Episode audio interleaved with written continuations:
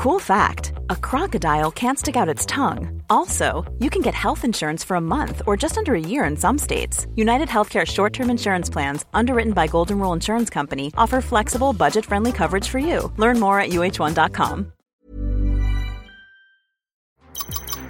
Waar ben je? Ich habe keine Ahnung, wo wir gerade sind, oder? kandidaten maken een roadtrip door Europa in een geblindeerde bus. Door middel van hints moeten ze achterhalen waar ze zijn. Bestemming X, vrijdag om 8 uur, nieuw bij RTL 4. Tony Media. Ruben Tijl, Ruben Tijl, Ruben Tijl, Ruben Tijl, Ruben Tijl, Ruben Tijl, Ruben Tijl, Ruben Tijl. Goedemorgen, goedemiddag, goedenavond of goedenacht, lieve luisteraar. Leuk dat je weer af hebt gestemd op Ruben Tel. Ruben De podcast. Jeetje, Mina. Ja, Er staat te veel spanning ik op. dacht zo, ja, ja nee, oké. S- Soms laat ik woorden weg en denk ik, we kunnen beter gewoon alle woorden. Waarom Alle- hebben we allemaal niet doen. gewoon één keer en dan starten we die in? Dat we er eentje leuk. opnemen. Ja, gewoon één goeie. Ja. Zo werkt het toch bij tv ook niet? Ja. Wacht eens Dus even-. Dat doet hij toch ook, hè? Nee, Ik dacht dat Luc dat geluid maakte. Ah, Ja, ja, ja. Eh, iemand nog iets spannends meegemaakt? Nou, eh, ik was laatst dus eh, in een talkshow. Hadden we het toch even over. Vorige keer zeker. Vorige keer. Je was Eh, eh, bij half acht. bij half acht. En eh, on, een van onze grote fans, Bonjoura, jullie wel bekend. Zeker, bonjour. eh, die normaal altijd in het publiek zit. Bij de shows, bij de live shows, maar ook bij televisie. Ja. Is er vaak aanwezig. Ook als ik eh, een programma van jullie kijk en ik zie het publiek voorbij komen. Ah, daar zit ze weer. En ik denk, nou, zou je er hebben?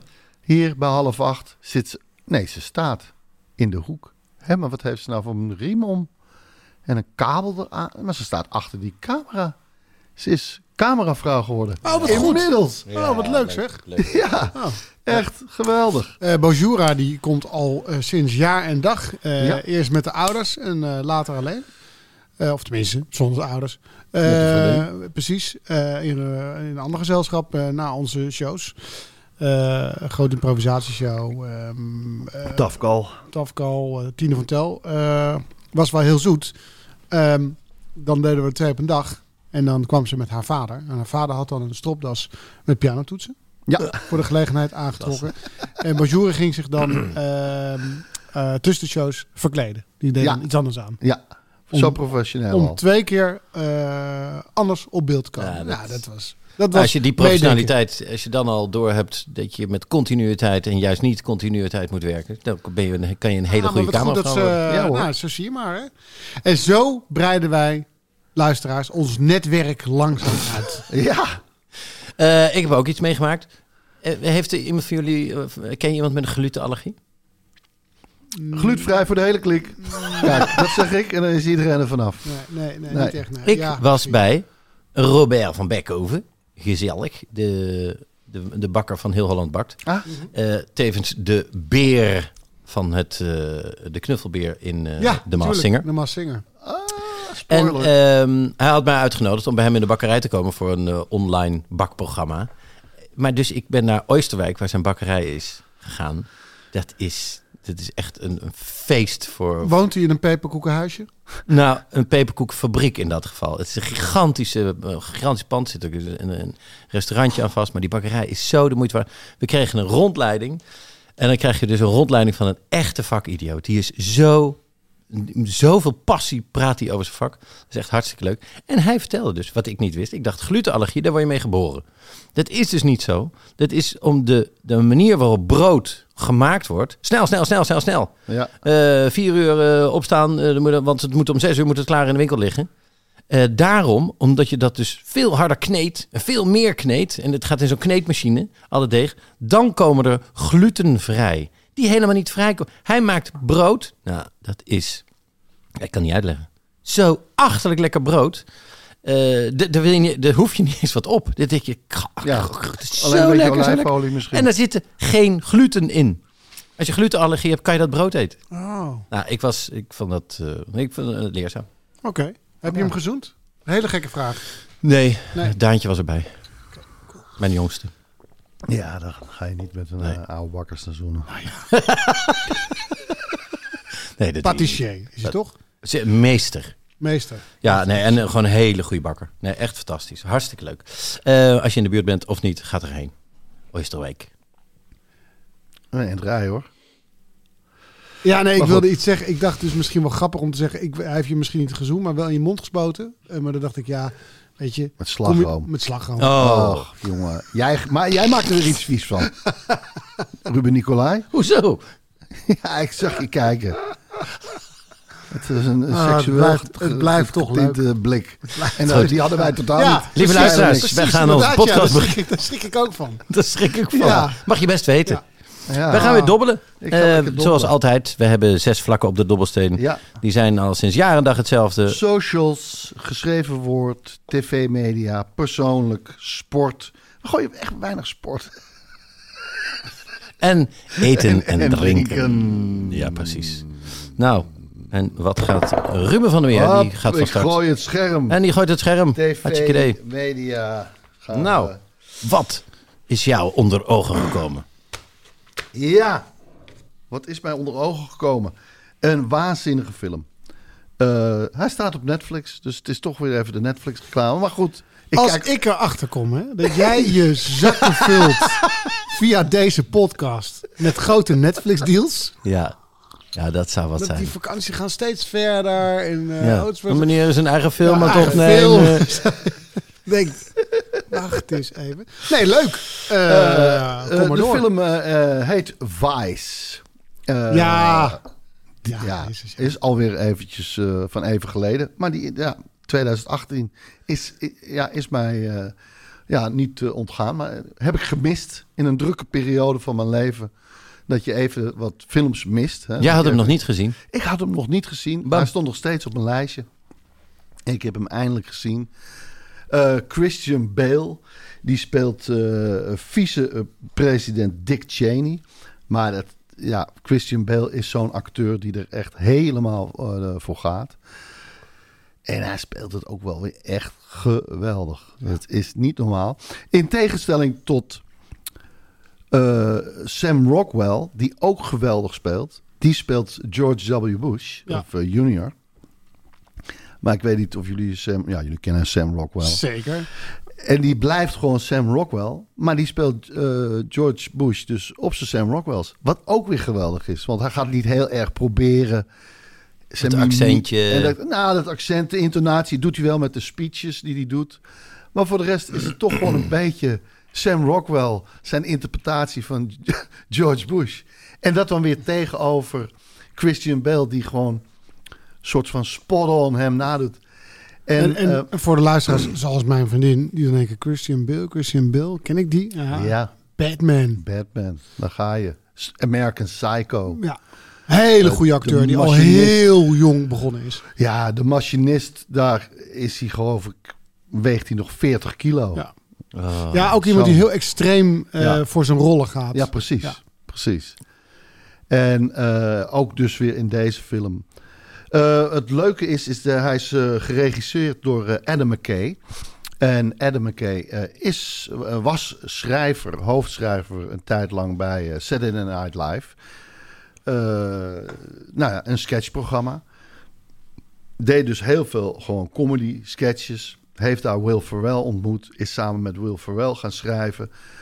Eh, Anchorman heeft hij gemaakt met, eh, met Will. En, Niet. ja.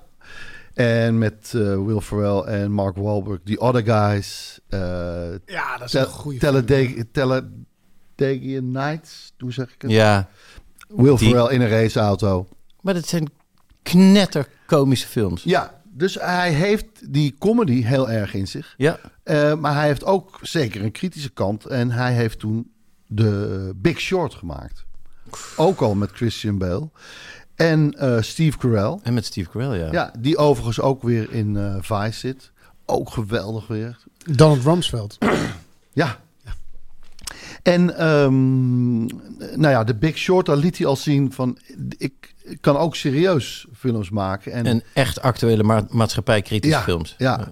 En het toffe van Vice vind ik dat hij de comedy, zeg maar, die hij in Anchorman eh, gebruikt. Gewoon opeens uit niets start daar bijvoorbeeld een liedje in. En hebben ze een, eh, of hebben ze een stand-off met andere eh, Anchorman, andere nieuwszenders. die gekke comedy gebruikt hij ook in deze film. En dat is een, soms ja, een bizarre combinatie. Die, ja, vind ik, heel goed werkt. En ik, ik merk wel, ik heb het teruggelezen, oh, een beetje de reviews. Het is wel een film van, je he- je vindt het te gek of eh, je denkt, jezus, wat is dit nou weer? Want ja, hij, ze zeggen gewoon in, bijvoorbeeld midden in de film... op het moment dat hij die beslissing gaat nemen om vicepresident te worden... wat nogal wat gevolgen heeft voor eh, de rest eh, van de wereld uiteindelijk. ja. Maar dat moment, daar zijn ze natuurlijk niet bij geweest. En dat spelen ze na. Eh, hij staat zijn mond te spoelen en zijn tanden te poetsen... en heeft een gesprek met zijn vrouw. Moet ik dit nu wel doen? En dan opeens start er gewoon een voice-over van de makers.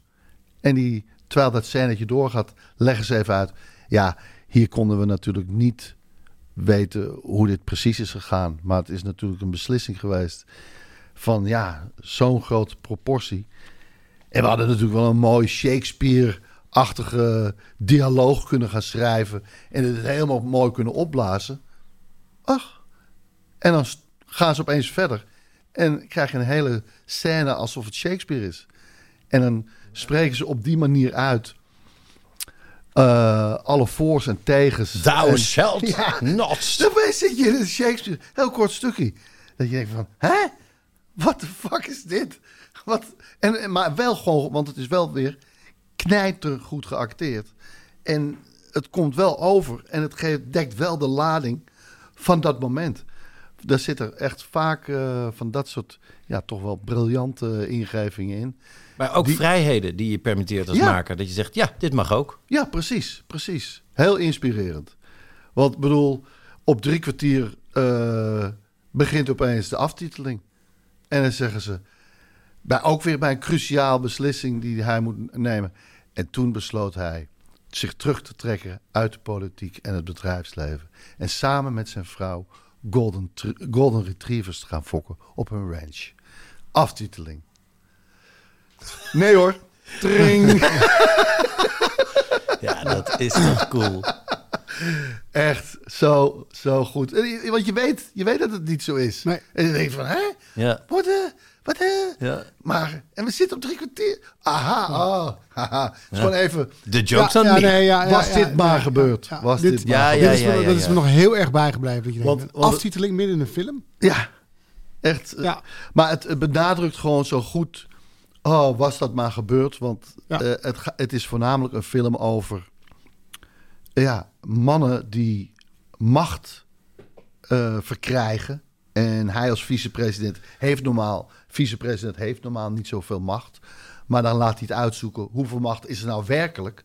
En dan vindt hij wat, ja, wat, wat mazen in de wet. En wat, wat, oh, Dat, hey, zegt, dat zegt Donald Rumsfeld altijd Ja. van, wat? Kun je, kun je onder deze eh, omstandigheden vicepresident worden? Hoe hebben we het voor elkaar gekregen? Ja. Je bent een soort van president. Ja, precies. Hij is gewoon, hij is gewoon de president. Ja. En eh, George Bush, die maakt de praatjes. Ja. Het is nog wel interessant, Ruben, eh, eh, ook als het jouw eh dobbelverhaal, eh, om te vermelden dat eh, natuurlijk heeft Cheney geprobeerd om president te worden. Ja. Maar de tragiek is, ja. het is een hele, tenminste, het is een gewiekste bestuurder, keihard, eh, geschikt voor dat pittige klimaat.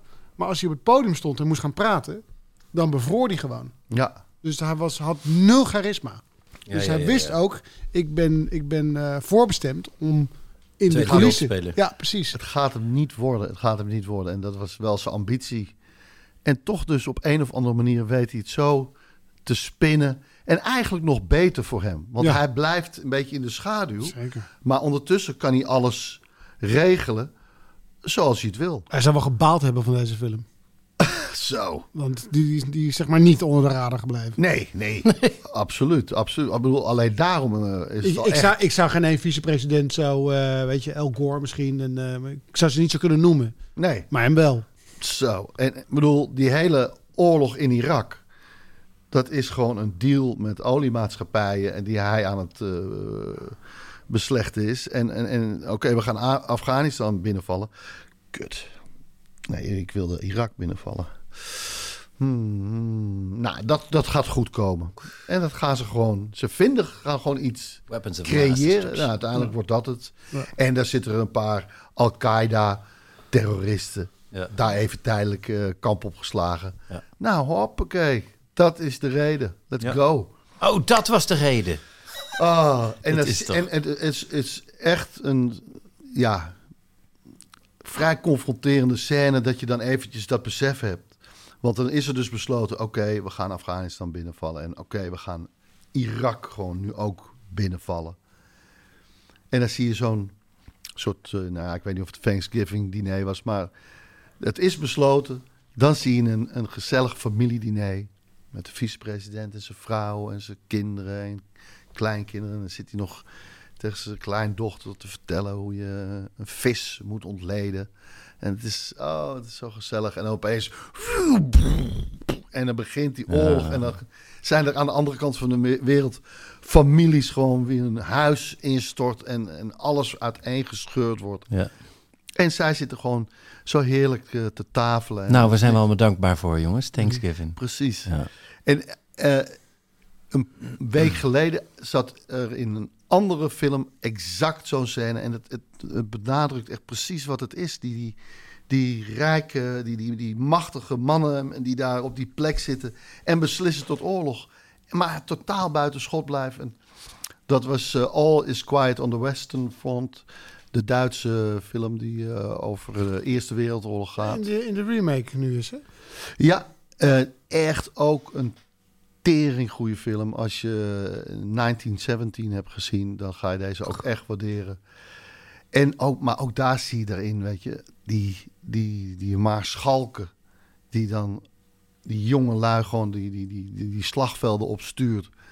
En ondertussen zitten ze een vers croissantje. Dan Vraag ze ook, is dit wel vers? Is dit croissantje wel vers? Ja, ja, ja. En ondertussen hoor je op de achtergrond. En weet je, ja, er gaan gewoon miljoenen mensen dood. Ehm, dus twee films die eigenlijk een beetje hetzelfde thema hebben. In een hele andere tijd. En eh, waanzinnig gespeeld, waanzinnig geacteerd. All is Quiet on the Western Front is een Duitse film. Staat ook op Netflix volgens mij.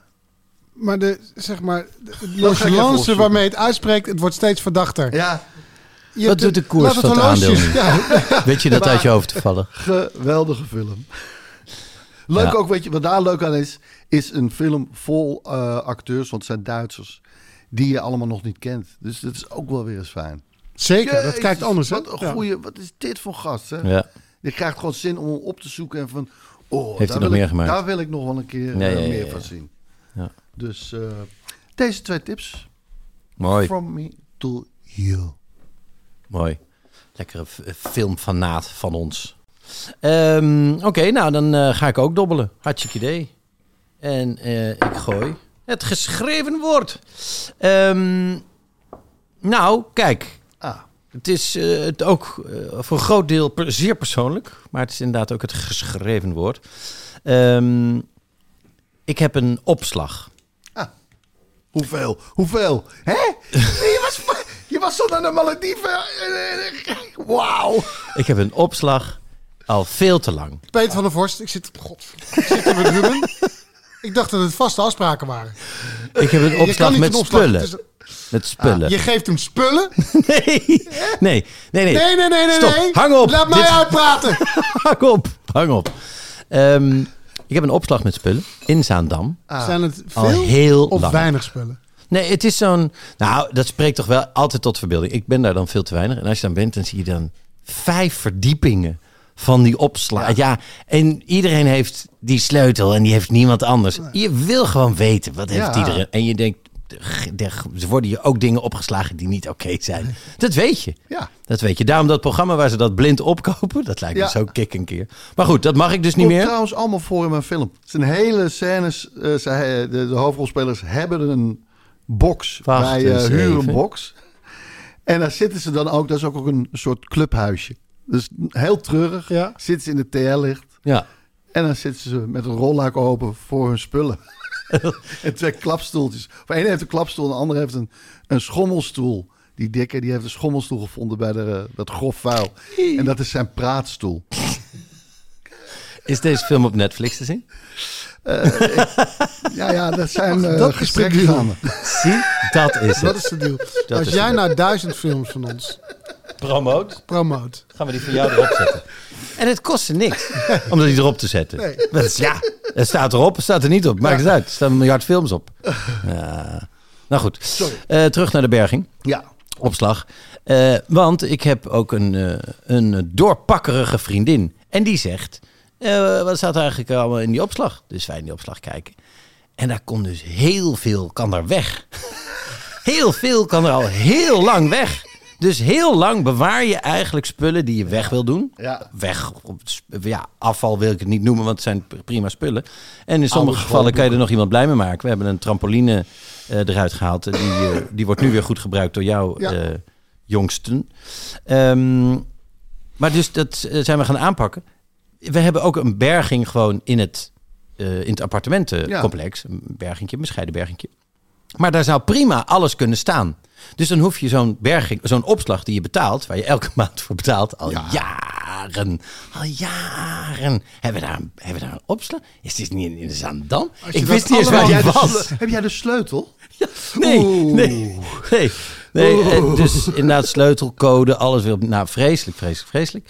Ehm, dus zij eh, was het idee, we gaan de berging opruimen zodat de spullen uit de opslag die daar echt nog die wel nog van waarde zijn, die we wel willen bewaren, die kunnen dan in de berging gewoon thuis en dan kan die opslag opgezegd worden. Bam, money in the bank. Zo gezegd, zo gedaan. Dus ik zit afgelopen zaterdag met een kater. Een kater van hier tot Tokio. Tot het vrijdag iets te laat geworden. Ehm, maar ik had gezegd, ja, inderdaad, zaterdag zal ik eens even door de boeken gaan. Want er stonden acht dozen met boeken. Ehm, ik ben daar echt af en toe trillend. En, en dan zit je dus op één klapstoeltje in een koude, tochtige gang. Maar wel aan de ramen van de straatkant. Dus er lopen af en toe mensen langs en kijken één keer en twee keer. en dan zit je daar. Eh, zit je die boeken uit te bladeren. Ja, en, en dan bedenk. En toen bedacht ik. eh, hoeveel boeken. Hoeveel boeken je hebt. Je hebt veel boeken. Ik denk dat jullie ook veel boeken hebben. Ook heel veel boeken. Die je nog helemaal niet gelezen hebt. Nee, en Ja, misschien joh. nooit gaat lezen. En nooit gaat lezen. Ja. Ehm, en toen dacht ik, ter inspiratie voor onze luisteraars, maar misschien ook voor jullie. Ja. Ga eens door die boeken. Ga eens door al die boeken, bekijk het. Denk misschien bij sommigen, daar kan ik iemand anders blij mee maken. Ja. Dat scheelt ook wel weer voor de kerstdagen. Dan denk ik wel weer gelijk aan al die schrijvers. Die kunnen het prima gebruiken als je het gewoon weer nieuw koopt. Eh, maar goed, het is een prima inspiratie om te kijken wat je zelf hebt. En wat je eventueel iemand cadeau zou kunnen doen. Eh, het leuke is dat je eh, de extreme variatie aan boeken. Er is geen pijl op te trekken. Nee. Er, is geen, er is geen patroon in te, te, te, te, te stompen. Hoe, vaak koop je niet een boek gewoon puur op de titel en de voorkant? Dat je denkt van, nou, wat is dit voor een... Wat is dit voor... Jos Brink zitten op de grond? Ja, nou, eh, daar gaan we. Ik heb, eh, ik heb er een paar meegenomen die ik even met jullie wil bespreken. Want sommige zul je dus heel onterecht mee.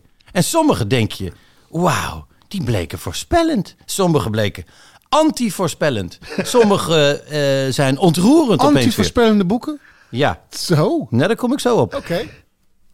Contra. Voor, Contra-voorspellend. Ja, maar razend actueel. Ja, ja, ja. Nou, Oké. ik weet dat je, je gaat, je, je gelooft je oren niet als ik dat boek er straks uitpak. Ehm, nou, even kijken, hoe ga ik dit handig doen? Ja, side note, maar ik weet ook niet precies hoe het zit. Dus ik kan het ook misschien beter niet zeggen. Maar kijk, er is veel, over, veel eh, te zeggen over Hitler, wat hij gedaan heeft. Allemaal verschrikkelijk. Maar hij, Oh. hij eh, als hij te veel boeken had, dan was hij wel rigoureus. ja, Dan ging hij niet weggeven of eh, opslaan of zo. op verbranden. Ja. Hop, eerste boek. How to Dine in Style. The Art of Entertaining uit 1920. Ah. Dit boek is nog nooit open geweest. Ja, dat nee, zie je. Die maar het ziet, er ook niet, het ziet er ook recent gedrukt uit. Oh, zo In gorddroog Engels. grappig is, ik over heb, hoe je eh, moet dineren in stijl. ik heb zo'n boek in het Nederlands. Hoe hoort het eigenlijk? Hoe heurt het eigenlijk? Ja. En dat, eh, daar heb ik nog wel in gelezen. Daar heb ik nog wel een sketch over gedaan. Duizend jaar toneel in Nederland van Ben Albach uit 1965. Dus En- daar is inmiddels weer 57 jaar aan. En een super dun boekje. Heel dun boek. Ja, duizend jaar toneel in Nederland. Heb ik ook. Heb ik ook. Ehm, nou, wat hebben we hier nog meer in de, in de, in de tas? Ah, een kikker springt. Haiku's uit het Japans vertaald. Oké. Ja, wacht, pak ik er eentje. Pak gewoon een, pak een haiku. Ik pak er even eentje. In stilte drinken de monniken hun ochtendthee. Chrysante bloeien. Dus, eh, dat soort gedichten. Ja. Die moet je Ehm, hebben. Nou, Een en dan, urine. Zat ik, nou goed. en dan kom ik bij dat contra-voorspellende boek. Dat is getiteld... En de auteur zit aan tafel. Je komt Den Haag niet uit. Echt waar? Want wie oh wie, Tel Beckhand. Wie oh wie is op dit moment de trainer van ADO Den Haag? Dik advocaat. Ik neem u mee. Advocaat. La, la, la, la. Ik neem u mee naar bladzijde 21. Ehm, of kwam ADO Den Haag ook onder zijn leiding, dik advocaat, maar niet uit de grijze middenmoot waarin de club zich al jaren bevindt? We zullen het nooit weten. Want advocaat wordt, zo vertelt de oud-bondscoach in dit gesprek, nooit trainer van ADO Den Haag. Niet nu, niet later, nooit. Maar als je dan doorleest, dan denk je, jawel, dit had wel gekund. Want, dan staat er iets verder. Ehm Beckhand, dat begrijp ik. Dan ben je te groot voor ADO. Maar de laatste jaren dan? Had je toen niet kunnen doen. Je kiest later wel voor clubs als Sparta en Utrecht. Advocaat, wat ik net al zei, ik ben nooit gevraagd. En dat is jammer. Want ik heb altijd wel in mijn achterhoofd gehad om mijn trainerscarrière bij ADO af te sluiten. Wat een goed boek. Ja. Eh, dus de deur staat nog altijd open, of tenminste op een kier? Nee, dat gaat niet meer gebeuren. ADO doet het nu toch goed? Ja, weet je, dat vind ik Toen- echt zonde. Advocaat, het moet kennelijk zo zijn. Eh, en dan hier de laatste nog. Anti-voorspellend. Ja, ik, ja. Is er nog niks wat, ik hier deze. Oh ja, Eh, dit zo eindigt het hoofdstuk. Dan heb je verteld dat je John de Mol hebt proberen te overtuigen om ADO te kopen. En dan zegt de advocaat, ja, hij schijnt wel een voetballiefhebber te zijn. Beckhand. En geboren in Den Haag. Ik heb het hem wel eens gevraagd, is ADO niks voor jou? Advocaat, en? Ik heb hem niet kunnen overtuigen. Man, dat zou toch kicken zijn geweest, Dick? Dat wij aan het begin van het seizoen samen in een helikopter het stadion van ADO worden binnengevlogen. Jij als trainer, ik als een soort van adviseur. Advocaat tegen de serveerster die toevallig voorbij loopt. Mevrouw, mag ik snel de rekening? Anti-voorspellend. En toch ook. Ja, grappig, want eh, eh, Dick Advocaat is net trainer geworden van ADO. En dacht ik, ik moet dat, ik moet dat gesprek wat ik met hem heb gehad over ADO nog eens teruglezen. Om eens even precies te kijken wat hij gezegd heeft. maar hij, liet- hij liet het wel doorschijnen. Ja. Het kan. ja, Vraag me. precies. Nog een boek waarvan je denkt... Nou, dit is bijvoorbeeld een boek waarvan je denkt... Waarom heb ik dat? Dit boek is getiteld Humor in Norge. En dat is een boek volledig in het Noors. Ik spreek geen Noors. Maar hoe kom je Over humor en Noorwegen. Bam, heb ik ook. Hoe, kom je eraan? Hoe kom- toen je een keertje Noordergaten breed... eh, Dat denk ik. Een Ah. prachtige LP van Wim Kan met zijn, eh, met zijn oudejaarsconferentie. Top toch? Ik heb geen langspeelplaten. Mag ik- mag- langspe- ik, heb, ik heb geen platenspeler. Die heb ik niet. ja, maar ik ik Dus- wel. Nou, hier, bam. Eh, nee, ja, maar je- dit is niet je cadeau. Oh. Ehm, nou, een uurtje komische humor. oh, de Eh, komische humor. ik kwam dit boek tegen. En dit is serieus een goede tip voor als je echt een goed boek wil lezen. Dat heet Opper Duitsland. Ehm, het, daar staan zinnen in. Ik heb ze gewoon onderstreept, omdat ze zo mooi zijn. Het gaat over een politicus. Het was een politicus die zichzelf had heruitgevonden. Die zich van specie, limonade en bifiworst tot Pinot Grigio en Vitello Tonato had opgewerkt. Van de grove boerenmetworst tot de verfijnde salsiccia. Die de broskuif, het bierbuikje, de multifunctionele jas met ontelbare velcrozakken en de deprimerende geboortestreek achter zich had gelaten om de stap in de richting van de polyglotte cosmopoliet wagen en zich zo voor een dragende rol aan te bevelen. Om ervoor te zorgen dat zijn nog steeds vleesjus zwetende partij aansluiting vond bij de goede smaakburgerij. Dat soort zinnen. Het is een waanzinnig boek. Opper Duitsland van Alexander Schimmel, Schimmelbusch. Fantastisch boek. Ehm, bam. Dan gaan we eventjes naar... Oh, en dit heb ik ook in de kast.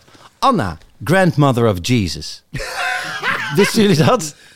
Jezus Nee. had ook een grootmoeder. Ja, Ja, hè. De moeder van Maria. Ja. Anna. Nou, En, en en die, gek genoeg, eh, heeft Claire Hartsong er boek van geschreven... omdat die al 30 jaar telepathische berichten krijgt van de grootmoeder van Jezus. Nee, natuurlijk. Helemaal Ja, vergeten. dus niet van Jezus, niet van Maria. Nee, Nee. de de grootmoeder van Jezus. De Rachel Christus. ja, Ja, precies. Ehm, maar ook een heel leuk boek waarvan je denkt... Jezus, wat een goed concept is dit eigenlijk. Dit zijn... ehm, dit zijn... Dit heeft een Amerikaan ooit bedacht. Schrijf je geheim, wat je aan niemand hebt verteld, Ja. want dat is een geheim. En wat je ook liever niet aan iedereen wil vertellen, op een postkaart, anoniem, en stuur het naar mij. Oh, En daar heeft hij dit boek van gemaakt. wauw.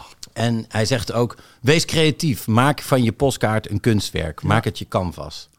Eh, nou, dan eh, zegt iemand, eh, stuurt... I pulled a muscle in my neck while masturbating. I couldn't move my head for three days. I told my husband it was from moving furniture. Eh, eh, of hier, I masturbate to pictures of Civil War soldiers. Je hele vage, vage geheimen, maar echt ja, hartstikke eh, geestig concept. Ehm, en toen kwam ik ook twee boeken tegen waarvan ik dacht, nou, eh, eens even kijken. Dit is, het is kerst. Het is bijna kerst. ja hoor. Kijk eens. Voor jou, want ik weet dat jij niet van fictie houdt, maar van eh, non-fictie. Eh, de Amerikaanse jaren van Johan Cruijff, geschreven door Pieter van Os. En het is een, eh, een, een onderbelichte periode. Ja. Zeer de moeite waard. Alsof en voor jou, omdat jij films maakt, Ruben van der Meer, met no budget. Hier kan je rijk door één zin het gouden film Ja, hoor. idee. Bam, hop, één zinnetje Ja, maken en je bent rijk. Nou, Van, eh, hoe- hoe heet deze man ook alweer? Ik weet, Paul... Oh ja, Paul Ruven. Paul Ruven. Paul Ja, Ruven. Inderdaad. Ehm, ook hartverwarmend. Eh, ik heb een heel klein boekje gevonden. Dit, eh, dit zijn ehm, stukjes uit brieven tussen mijn vader en zijn zus. En eh, mijn tante die woont in Amerika. En zij hebben een hele rare manier van praten. Al mijn, mijn drie tantes en mijn vader die, die zijn verspreid over België, Frankrijk, Amerika en Nederland dus. En zo praten ze ook. Dus die zegt van, ah, that was so brilliant. Eh, ik liep daar ook toen. Et alors, j'étais trop lelu, blablabla. Dus dat is één zin. Daar komen eh, minstens drie talen in voorbij. Dus het is vaak ook in het Engels. Ehm, maar dit gaat dus over de kinderen. Ze schrijven hier over hun kinderen naar elkaar toe. Van hoe is het met jouw kinderen? En eh, je kunt al praten en weet ik wat. Ik neem u mee naar 23 juni 1975. Ik ben dan één maand oud. Ruben passed all tests during sixth week checkup, though he has pimples and a second chin with fatness. He easily smiles at strange ladies. Dan ben ik één maand oud. Check. Eh, nog een ander kleintje. Oh ja. Ik schijn dus helemaal lijp te zijn geweest van katten. Nog steeds ben ik. eh, Oh, nu was ik één jaar oud. Uh, Ruben is totally cat mad. Recognizing any depiction of a feline animal. Dus eh, eh, elke foto die hij herkent van een kat or- of een tekening. Uh, oh nee, and drawing everybody's attention by repeating thousands of times in a high-pitched voice, "Puss, puss, puss." When seeing a real cat, he practically faints, and when he can touch it, he almost reaches climax. Ehm, hier ben ik twee jaar oud. Ehm, eh, dus dan is mijn moeder met de kinderen naar Nice, naar eh, mijn grootouders die daar woonden. Dat zijn de ouders van mijn vader. Nou, Ruben kon er ook wat van. Zie je, dan gaan we weer gewoon in het Nederlands verder. Ja hoor. Ruben kon er ook wat van. Die kotste toen het vliegtuig zijn motor nog niet eens aan had. Hij kwam de cabine in en blups, daar kwam alle chocomel weer terug. Vind ik ook leuk. Ehm, en dan zijn we in Frankrijk bij de rivier. Ehm, Ruben doet alleen zijn voeten in het water. Hij plast graag en vaak wijdbeens, vol bewondering over zijn eigen klaterende functies. En gaat dan met zijn blips, zoals hij het noemt, in het water zitten, omzichtig op een hoge steen. Verder durft hij niet, sinds hij in Winsum in het diepe viel. kreeftenachtige torretjes drukt hij met zijn vingertopje tot moes. Of hij gooit eindeloos steentjes uit zijn directe omgeving een eindje verder het water in, daarbij soms familieleden rakend. Vond ik ook leuk. Eh, Toen hield je al niet van snorkelen. Nee, precies. Kan je nagaan. Ehm, Ruben, still undecided about the actual meaning of the words yes and no. Nee, ik wil geen boterham. Goed, dan krijg je geen boterham. Screaming, ik wil een boterham! Ehm, op het ijs bij het schaatsen. Ruben staat huilend op het ijs en schuifelt millimeter voor millimeter vooruit. Zodra de schaatsen uit zijn, gooit hij sneeuwballen in je gezicht, die hij oliebollen noemt. Hij is de vrolijke, onbekommerde bulldozer met het korte verdriet. Ruben, ben jij al drie? Nee, ik ben nog maar vier. Iedereen lacht, waarop Ruben ook begint te giechelen, alsof hij expres een goede grap heeft verteld. Eh, het laatste. Ehm, Ruben, eh, ja, Ruben asking the stupidest questions all the time. Waar ben je geweest? In het ziekenhuis. Wie heb je opengereerd? Een meneer. Wie dan? Een oude meneer. Maar wie dan? Een hele aardige oude opa. Waarom dan? Waarom heb je je cape aan? Waarom heb je je cape niet aan? It's a game. People respond when you say waarom. But when he wants to be helped, it's ga je me aankleden? Ga je me boterham smeren? Continually emitting sounds all day long. Singing. Ik schijn dus echt heel veel als peuter gezongen te hebben. Ik, ik zong, kan je mij de pindakaas aangeven? Bloedirritant moet dat geweest zijn, maar goed. Singing. Even when he has spilled his milk and mops it up. And climbs a chair with pear juice dripping from his face and crushing the pear between the seat and his shiny fingers. I imagine, zegt mijn vader, I imagine he'll die singing. I don't believe it will be psalms. Wein, Weiber und Gesang or something. Ja. en dan ben ik drie, hè? Hey. Nog En net toen- geen en drie. Toen zag hij al Marcelino Woenderlich. Exactly. Zo. Eh, Dat is geen anti-voorspel hoor, dit. nee, dit, dit is zeer voorspellend gebleken, ja, inderdaad. Eh, tot slot, eh, dat vond ik ook wel heel leuk. Want er waren bij ons thuis drie LP's van de, ik denk, 400 die we hadden. Eh 397 waren klassiek. Dat was op mij, bij mij nog niet echt aangeslagen. Dus ik, er waren er drie die ik heel erg de moeite waard vond. Dat was de Beatles, Abbey Road. Nou, toch een beetje klassiek. Peter en de Wolf. Maar met, helemaal met de uitleg en, eh, en alle instrumenten ook in beeld. En Jaap Fischer. En Jaap Fischer eh, wil ik dan toch eventjes... Want dit boek vond ik versjes van Jaap Fischer. Nou, je ziet aan de eh, omslag hoe oud het is. Ehm, en dan wil ik eventjes het eruit halen, het sprookje. Dat gaan we dan straks mee afsluiten na jou, Tel. Maar dan zeg ik nu alvast een, het begin en het eind. Een koning had eens vijf zonen en een prinses. Zij nu had goudblonde lokken en ogen als meren die niet konden jokken. En was de jongste van de zes. Maar deze prinses was huwbaar. Ehm, dan komen er, ik maak even een sprongetje in de wedstrijd. Dan komen er drie mannen aan de poort om over liefde te praten. Een, een wijze geleerde, een rare snoeshaan en tenslotte Hans. En met Hans klikt het met de prinses. Eh, en dan mag Hans. En Hans zegt: Ja, ik weet het nog niet, maar het moet een meisje zijn met prachtige kleren en goudblonde lokken, met ogen als meren die niet kunnen jokken, en een mond als van honing, dan weer scherp als een mes. En hopelijk is haar vader dan koning en zij dan prinses. Maar ze moet Liesje heten. En toen keek de prinses hem heel lang aan en zei: Ik heet Esmeralda, maar zeg maar Liesje. Daar gaan we straks naar luisteren.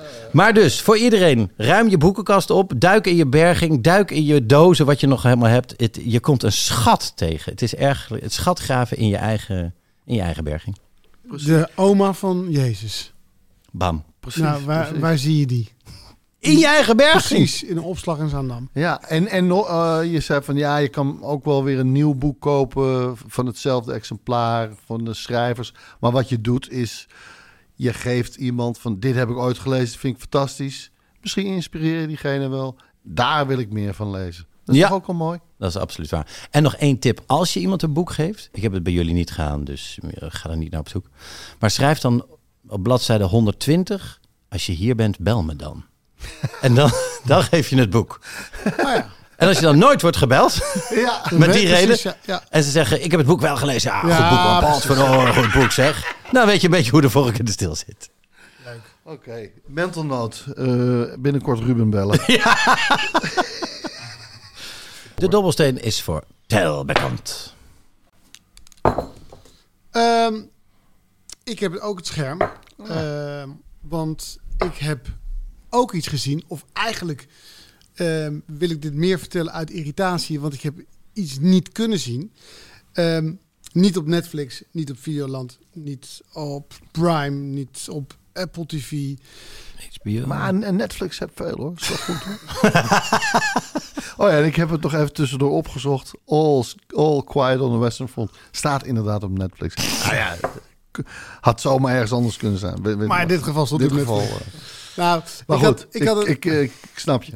ik had een avond eh, niets en ik had me al voorgenomen welke film ik wilde zien. Heerlijk. Huis is niet leeg, mijn kind op daar in bed. Mikkel was uit eten. Eh, ik had het helemaal eh, voor mezelf uitgedokterd.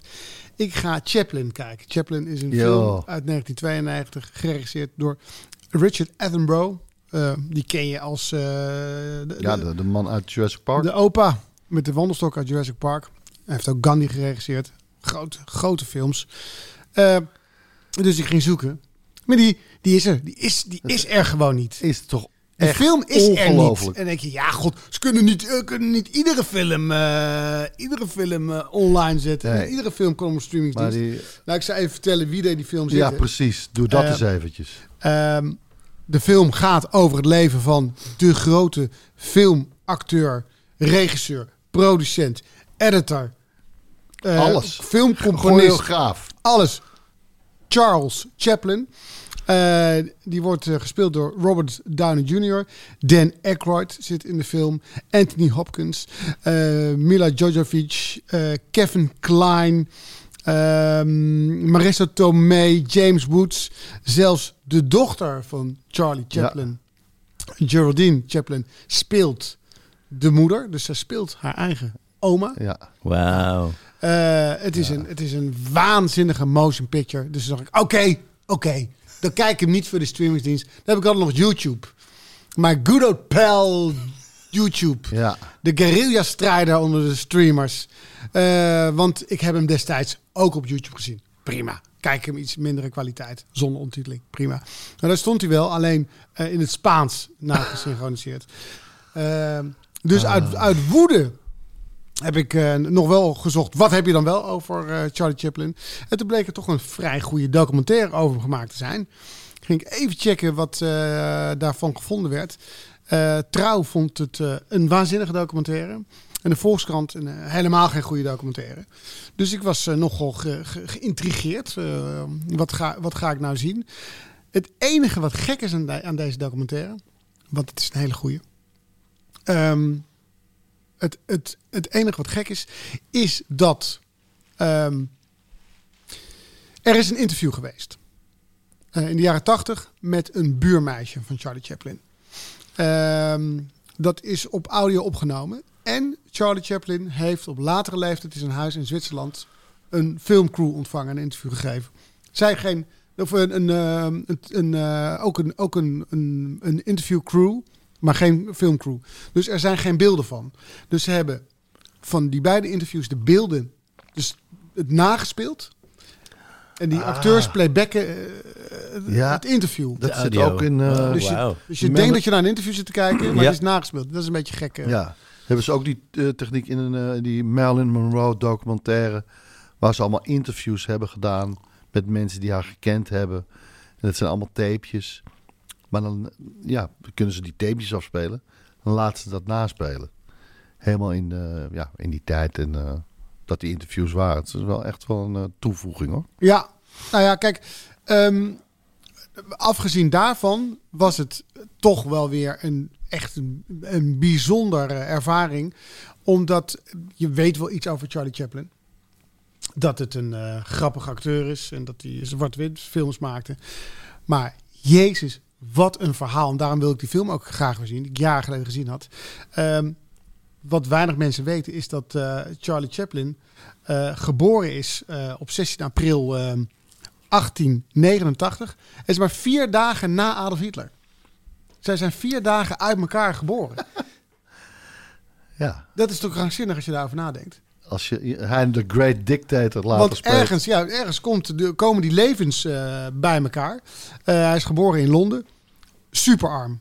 Echt krankzinnig arm. Ehm, zijn, zijn moeder was een, een ehm, hardwerkende, strugglende ehm, eh, actrice. En het lukte haar niet. Vader was buiten beeld, was alcoholist. Eh, hij en zijn broertje zijn voor eh, hun negende jaar twee keer naar een werkhuis gestuurd. Dan werd je heen gestuurd als niemand meer voor je kon zorgen. En dan moest je eh, werken en, en daar wonen. Ja. Jonger dan negen. En toen al twee keer daar heen gestuurd. Eén keer zijn ze weer teruggehaald door die moeder. Toen kon ze niet voor ze zorgen. Ehm, en je kunt je niet voorstellen wat kinderen daar hebben moeten meemaken. Moeder belandt in een gesticht. Die kan het allemaal niet meer bolwerken. Logisch. De armoede. Charlie heeft nog even op 13-jarige leeftijd alleen gewoond. Is eh, van de honger op zoek gegaan naar eten. Heeft nog met zijn broertje bij zijn vader gewoond.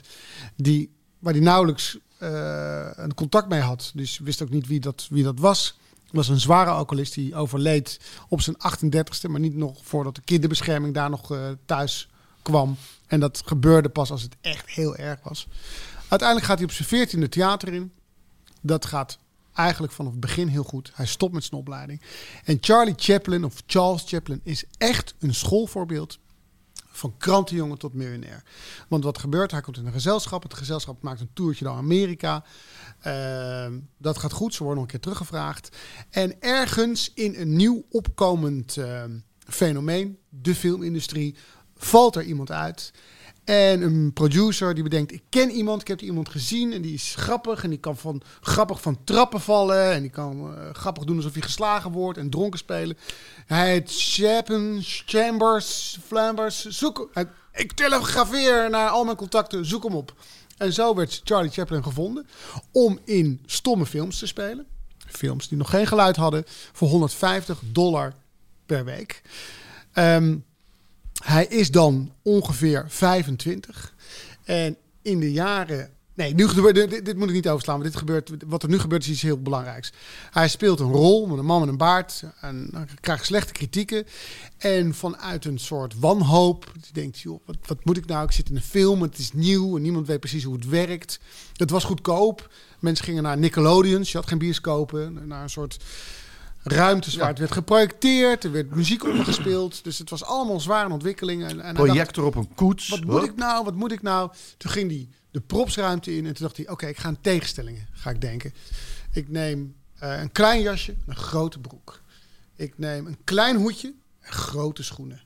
Eh, ik neem een wandelstokje. En iedereen zei: Je ziet er zo jong uit. Wat zie je er jong uit? Ik neem een snorretje om mezelf wat ouder te maken. En zo ontstond het karakter wat wij Charlie Chaplin noemen. Charlie Chaplin, dat is de man. Ja. Het werd de tramp genoemd. En Ja.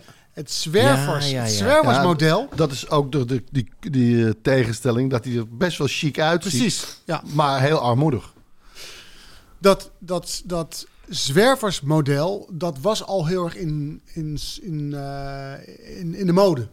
De zwerver, de, ja, de drifters, eh, de, de- die, grappig, die grappig deden. Dus er zijn ook nog best wel lawsuits geweest over wie was nou de eerste... De uitvinder van, Precies, de, ja. van de de- dakloze comedy? Van de- Nee, ja, omdat er is een Spaanse comedian die exact hetzelfde eruit ziet als Charlie, Charlie Chaplin. En zichzelf eh Chapler noemde. En zei, ik heb dat helemaal, ik heb dat helemaal zelf verzonnen. Je, eh, er ontstond een rage rondom Charlie Chaplin.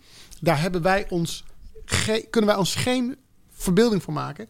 Hij was rond het uitbreken van de Eerste Wereldoorlog de allerbekendste persoon op aarde. Want door dat projecteren ging, ging het. Hij ging naar, van, van Amerika naar Europa, naar ehm, Zuid-Amerika, naar Rusland.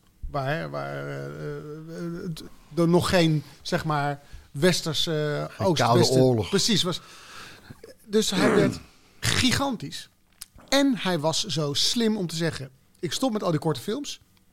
Ik richt mijn eigen studio op. United Artists is hij de oprichter van. Nee. En ik ga mijn eigen films maken. En toen kwam die in 1921 met The Kid. En ehm, ik heb daar een stukje van gekeken. Dat is dus een film die meer dan 100 jaar oud is. Hij is eh, een jaar geleden ook helemaal gerestaureerd in de bioscoop eh, geweest.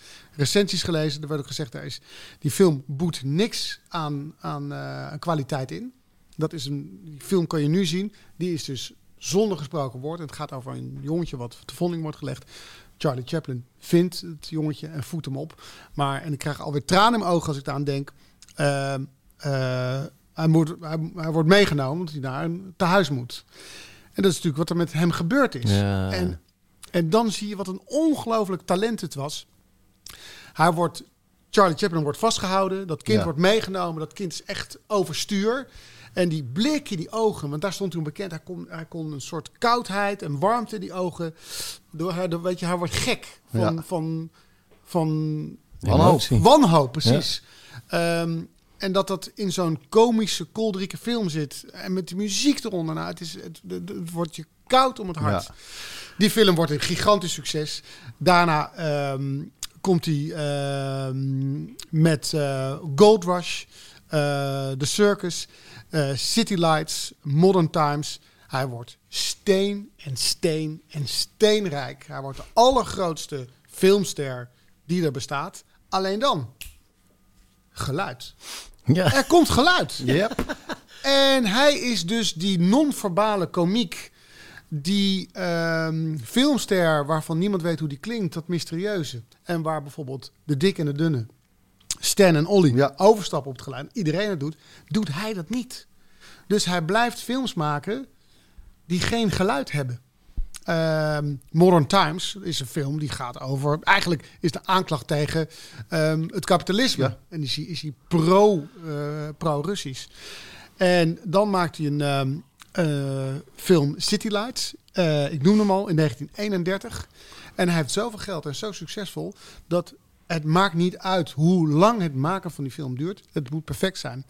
En ze draaien, I kid you not, 400 dagen over één scène. Veel van zijn films gaan over een misverstand. Deze film gaat het over een arm meisje. Ze verkoopt rozen. Ze is blind, Ze is hè? blind, Ja. precies. En zij ziet Charlie Chaplin in het begin van de film aan voor een miljonair. Daar gaat de film over. Alleen, hij zegt, ik kom er niet uit. Hoe, hoe, hoe kan ik dat nou vertellen? Hoe? En hij blijft maar draaien en draaien en draaien. Iedereen wordt er gek van.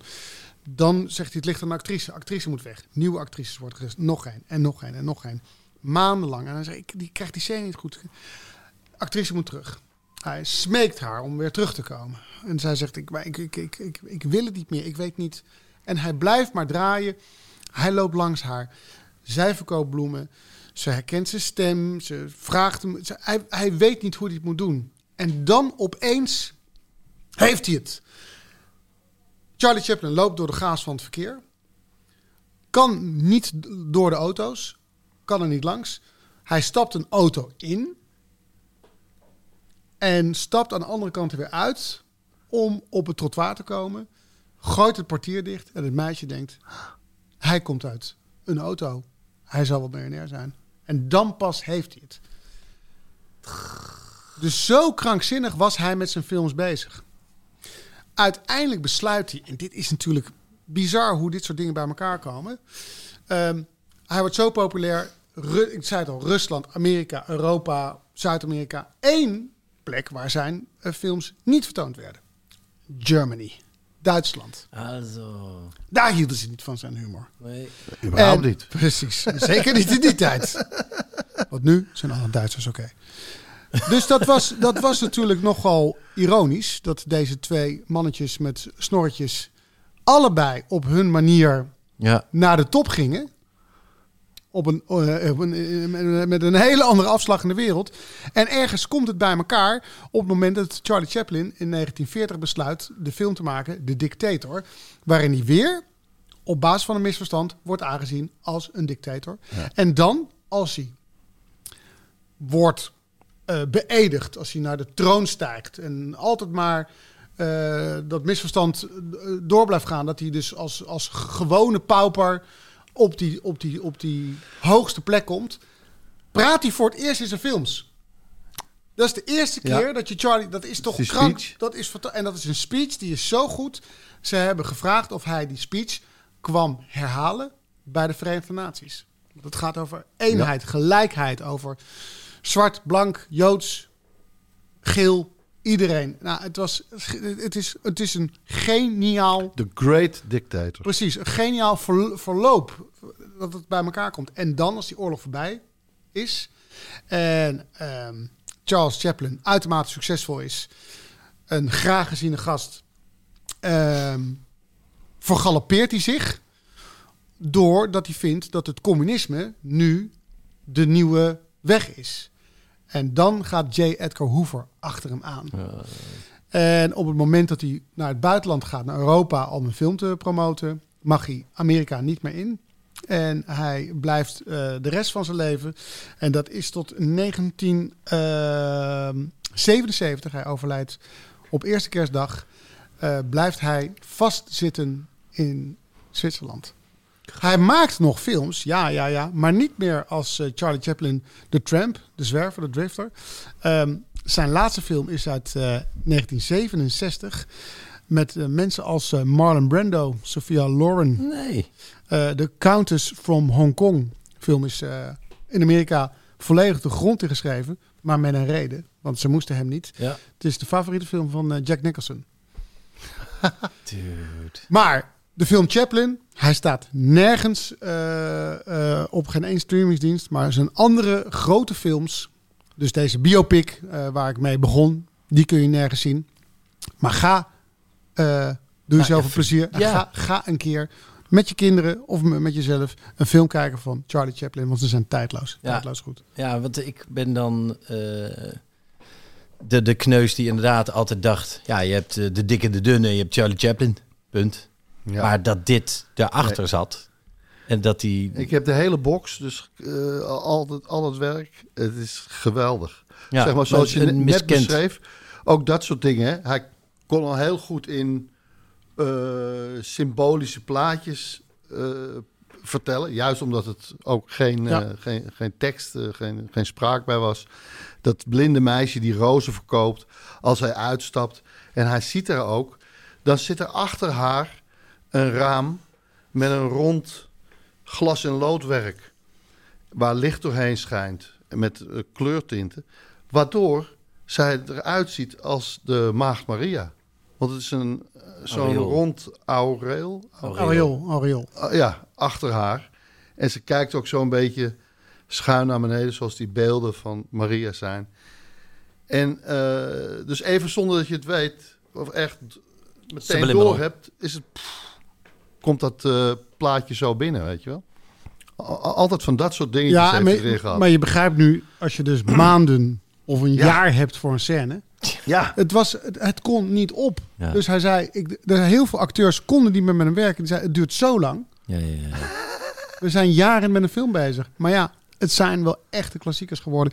Al zijn films, vooral die vroege films uit de Ja. jaren 20 en 30, staan allemaal hoog in eh, hitlijsten alle tijden. Mooi zeg. Mooi, mooie hidden gem, miskend genie. Ehm, wij zijn er doorheen, lieve luisteraars, eh, door deze reguliere podcast. Ehm, wij gaan door in de backstage voor mensen die dat niet willen, die ons niet nog een keer willen horen. Ehm, tegen die mensen zeggen we fijne kerstdagen. ja. En tot ziens.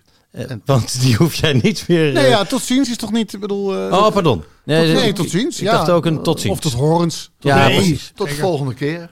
Voor mensen die nog wel gezellig door willen, we gaan door op de backstage. En eh, het leek ons leuk om een beetje voortbordurend op eh, jullie beide thema's, de filmquote. We gaan eens even kijken als sombrero, als eh, lid van ons eh, luisteraarsleger. Van ons betaalde luisteraarsleger. Het klinkt een beetje dubieus. Ehm, denken we, we gaan je een beetje op weg helpen. Want wat jij ook eh, zei, Christian Bale. eh, mijn vriendin weet al niet precies wie dat is. Ik, heb, ik ben vaak ook eh, in, in die categorie te vinden. Maar ook met quotes. Soms dan heb je iemand en die zegt... Bla, bla, bla, bepaalde quote. En dan denk ik, ja, dan knik ik een beetje. Ja. Maar dan weet ik niet waar die vandaan komt. Laten we eens eventjes door een flinke lijst filmquotes heen gaan. En dat jullie dan ook... snap je? Als iemand die bezigt, Ja. dat je dan weet waar die Ja. vandaan komt. Kijk. Waar ze het over hebben. Hoe je is- die kan gebruiken. Dat, dat, is, dat is algemene opvoeding. Precies. Heel belangrijk. Nou, dat gaan we doen in de backstage. Hoe, hoe, hoe, hoe, hoe kom je in die backstage, jongens? Ja. Vragen. Dan ga je naar petjeaf.com slash Ruben Tijl Ruben. En daar ja, is het 2 euro per maand. Ja. Heb je twee extra podcasts. Ja, Nou dat is eigenlijk, eigenlijk Dat is. Maar goed, laten we doen. we, we zijn de, we zijn de IKEA van de podcast. En kwaliteit en een goede prijs. Maar Zit jij nu ook al met Ikea? makkelijk in elkaar... Nou, nee, we is zijn de sorry. We zijn de Netflix. Ah! Bedankt voor het luisteren en tot in de backstage. En anders hele fijne kerstdagen en tot de volgende keer. Namens ons allemaal. Adios. Doei, doei. Een koning had dus vijf zonen en een prinses. Zij nu had goudblonde lokken en ogen als mieren die niet konden jokken en ze was de jongste van de zes. Maar deze prinses was huwbaar. Vaak gingen de koning en zijn zonen vroeg op pad. En dan joegen de hele dag terwijl zij thuis te dromen lag en wachtte op ze wist niet wat. En deed ze een stap naar buiten, dan lagen er vreemde prinsen in het gras. Vreemde prinsen te fluiten, die wisten al lang hoe laat het was. En de koning zei, ze kon krijgen wat ze bliefde. Ze kon vrijen met lakij. Ja, maar zei de zoontje, ja, maar dat is geen liefde. En er kwamen er drie mannen aan de poort om over liefde te vertellen. En de eerste was een geleerde en de tweede was een vreemde snoeshaan. En de derde was Hans. En de geleerde mocht beginnen. Liefde is minnen en samen zijn die nieuws beginnen. Mijn is dijn warm van binnen. Verlegenheid, samen in zee, geen ach, geen wee. Maar hola en hee, genegenheid. En liefde is niet houden van. Je kan van zoveel vrouwen houden. Je kan met zoveel vrouwen trouwen als je er wat in ziet. Maar liefde is dat niet. Je houdt van kip met appelmoes. En toen knikte de prinses, want ze hield ontzettend veel van kip met appelmoes. En toen had de geleerde het over Amor en Caritas en wat het verschil daartussen was. Over agape, eros en philia. Over een diner voor twee met dansen na. En de prinses was stil, zo luisterde ze. En toen ze wat mocht vragen, fluisterde ze. En zoenen? Zoenen staat niet in koenen, zei de geleerde. En ging. En toen mocht de vreemde snoes aan. En die zei... Hoe bestaat het dat ik hou van een lelijke vrouw, zo lief, zo zacht en toch zo lelijk als de nacht, zelfs als ze lacht. Oh, hoe bestaat het dat ik hou van een lelijke vrouw? Ik sluit mijn ogen en haar hand sluipt in mijn hand. Juist zo klein als hij moet zijn, precies zo fijn als hij moet zijn. Als wijn die je zacht ondermijnt, overmand. En dan weet ik dat ik hou van een beeldschone vrouw die zon verduistert. Meer zingt dan fluistert, naar niemand luistert. Oh, dan weet ik dat ik hou van een beeldschone Maar als ze lang schokt, als een paard, een lelijk paard. De kop omlaag, de vormeloze dijen, die kinderen doet schreien en schichter, springt en jachtig verder jaagt. Dan oog ik naar de vrouw waarvan ik hou. Ze komt weer om, ik sluit mijn ogen, dat is dom. Ik weet niet goed wat ik moet doen met deze vrouw waarvan ik hou. En toen mocht Hans. En Hans zei, ja, ik weet het nog niet, maar het moet een meisje zijn met prachtige kleren en goudblonde lokken met ogen als meren die niet kunnen jokken en een mond als van een honing, dan weer scherp als een mes. En hopelijk is haar vader dan koning en zij dan prinses. Maar ze moet Liesje heten. En toen keek de prinses hem aan en zei, ik heet Esmeralda, maar zeg maar Liesje.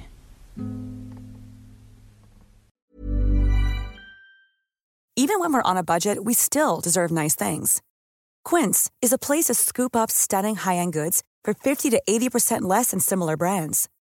They have buttery soft cashmere sweaters starting at $50, luxurious Italian leather bags, and so much more. Plus, Quince only works with factories that use safe, ethical, and responsible manufacturing. Get the high-end goods you'll love without the high price tag with Quince. Go to quince.com slash style for free shipping and 365-day returns. Imagine the softest sheets you've ever felt. Now imagine them getting even softer over time. That's what you'll feel with Bowl and Branch's organic cotton sheets. In a recent customer survey, 96% replied that Bowl and Branch sheets get softer with every wash. Start getting your best night's sleep in these sheets that get softer and softer for years to come. Try their sheets with a 30-night guarantee. Plus, get 15% off your first order at bowlandbranch.com. Code BUTTERY. Exclusions apply. See site for details.